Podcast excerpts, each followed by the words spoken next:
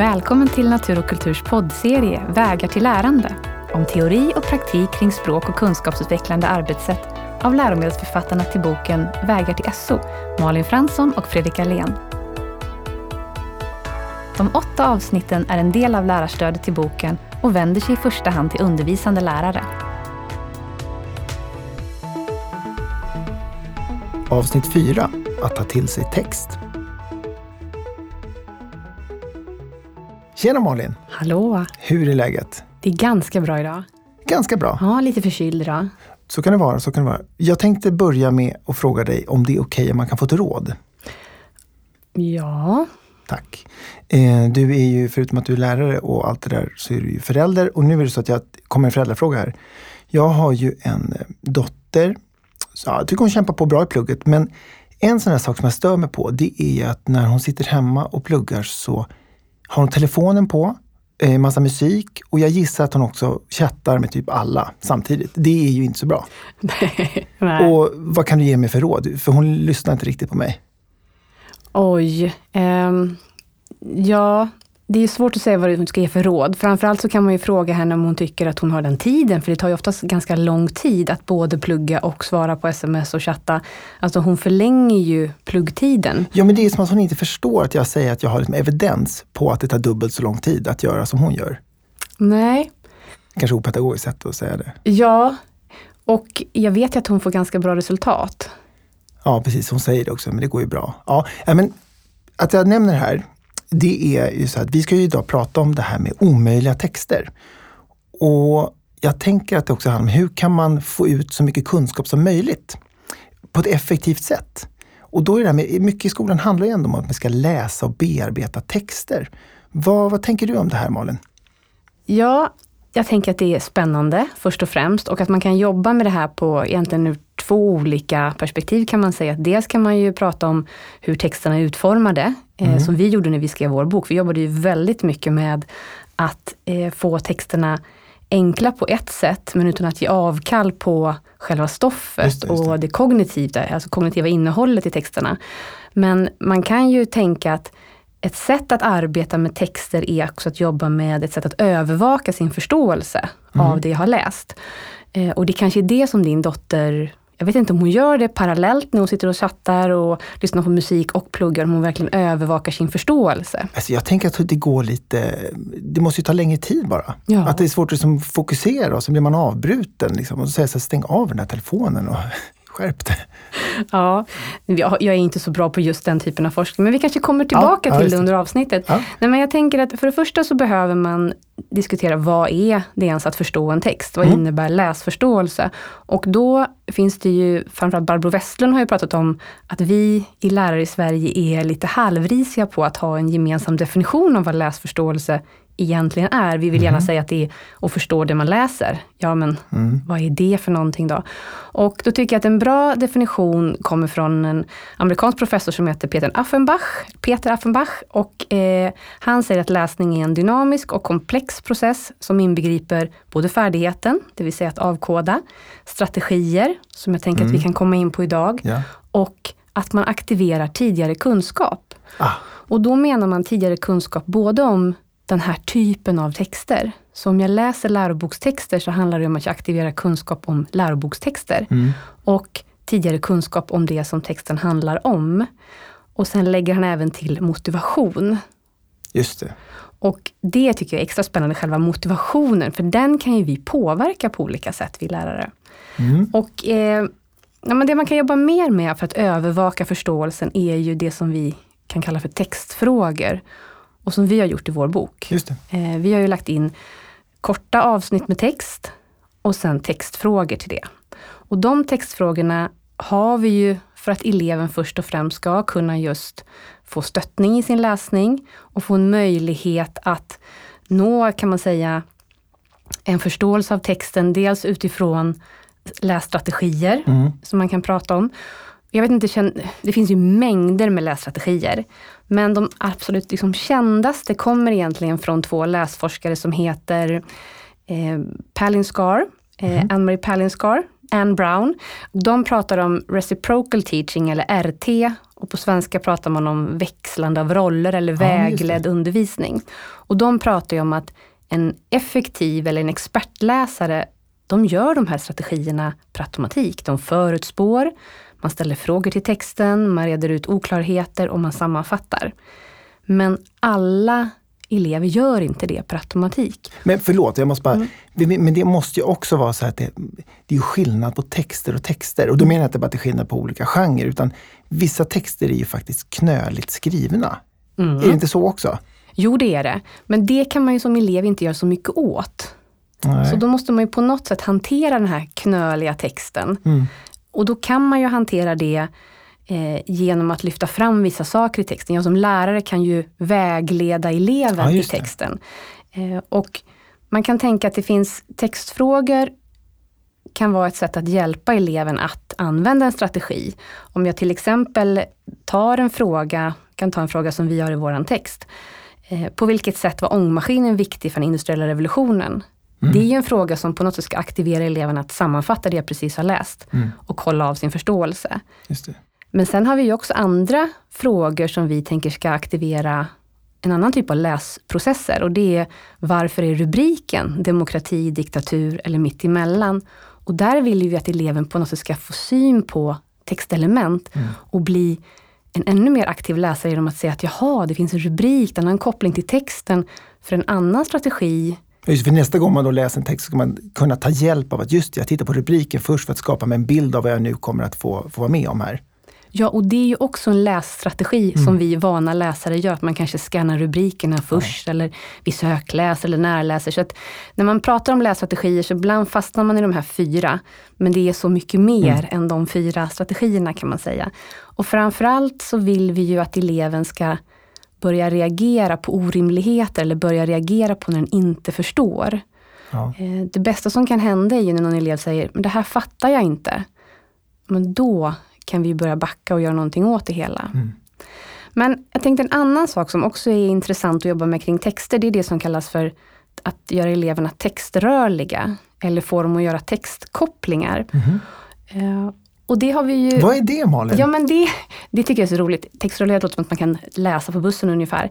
Det är det ju inte riktigt. Det handlar om att eleven kan koppla det man har läst både till sig själv, kanske egna erfarenheter, eller till andra texter eller till omvärlden.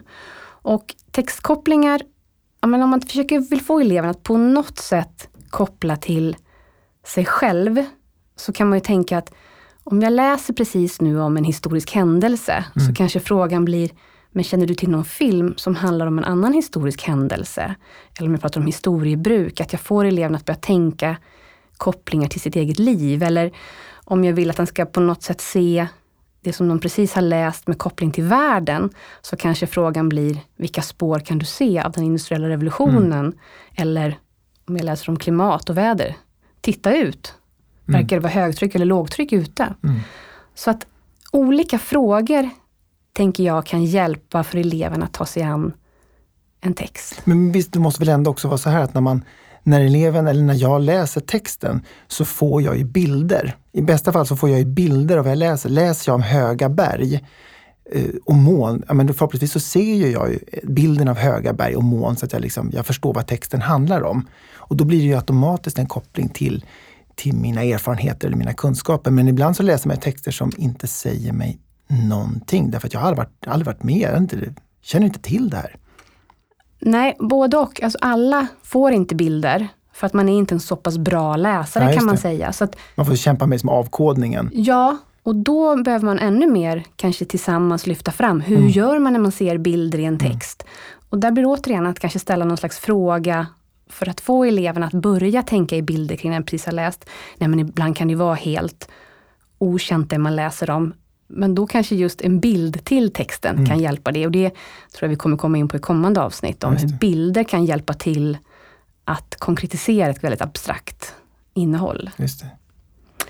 Ja, men vad, vad tänker du kring det här med omöjliga texter? Ja, nej, men jag tänker att eh, för många elever så är det ju inte så lustfyllt att få en text framför sig.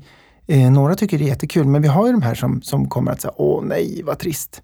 Nu, jag började ju berätta om, om eh, min dotters läxläsning där som jag stör mig lite på.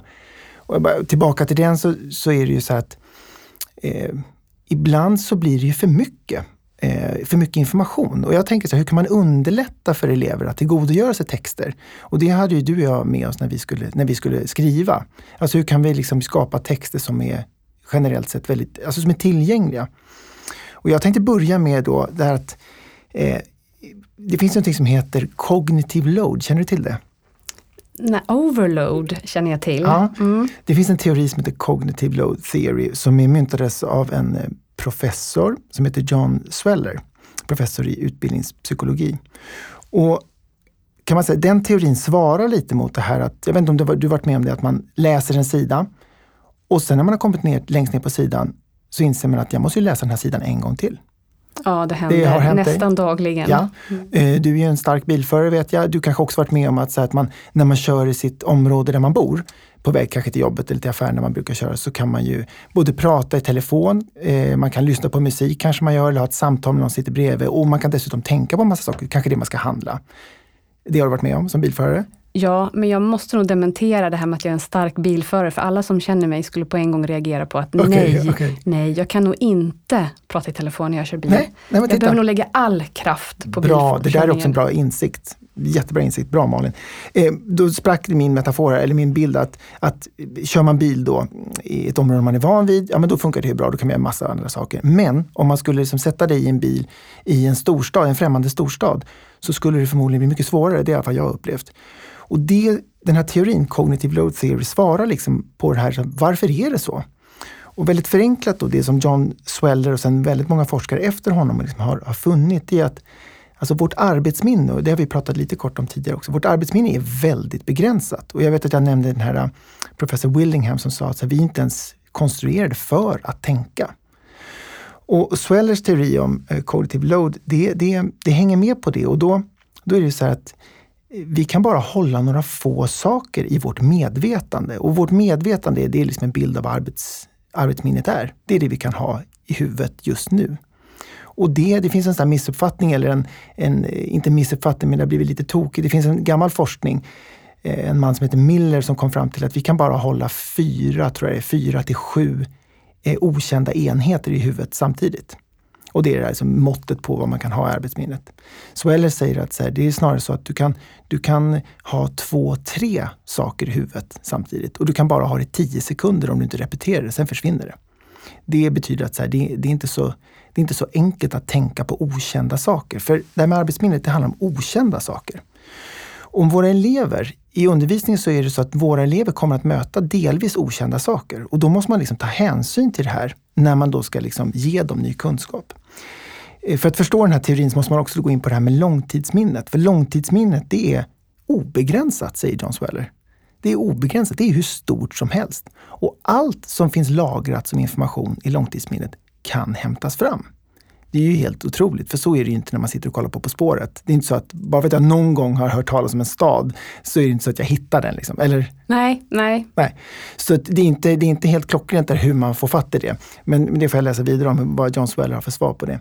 Men då är liksom idén här att att hämta saker från långtidsminnet, då kan man hämta jättestora block av kunskap och lagrad information och plocka upp det i arbetsminnet. Och det gör inget att det är jättestort. Och det är det som blir så spännande, att i kunskap då handlar det alltså om, när elever möter okända saker, då kan det lätt bli för mycket. Och därför får vi hjälpa elever att så här, dels då få krokar till deras långtidsminne. Det betyder att när vi ger texter och får elever att läsa texter så ska det helst vara texter som är tillgängliga i betydelsen att, det, att de kan göra de här kopplingarna till bilder som de själva har, så att de kan hämta erfarenheter. Då, blir, då kan man läsa en text. För en sån här bok, en sån här sida som är jätteabstrakt och jättesvår, som gör att man måste läsa den en gång till, då har det förmodligen varit alldeles för, för mycket.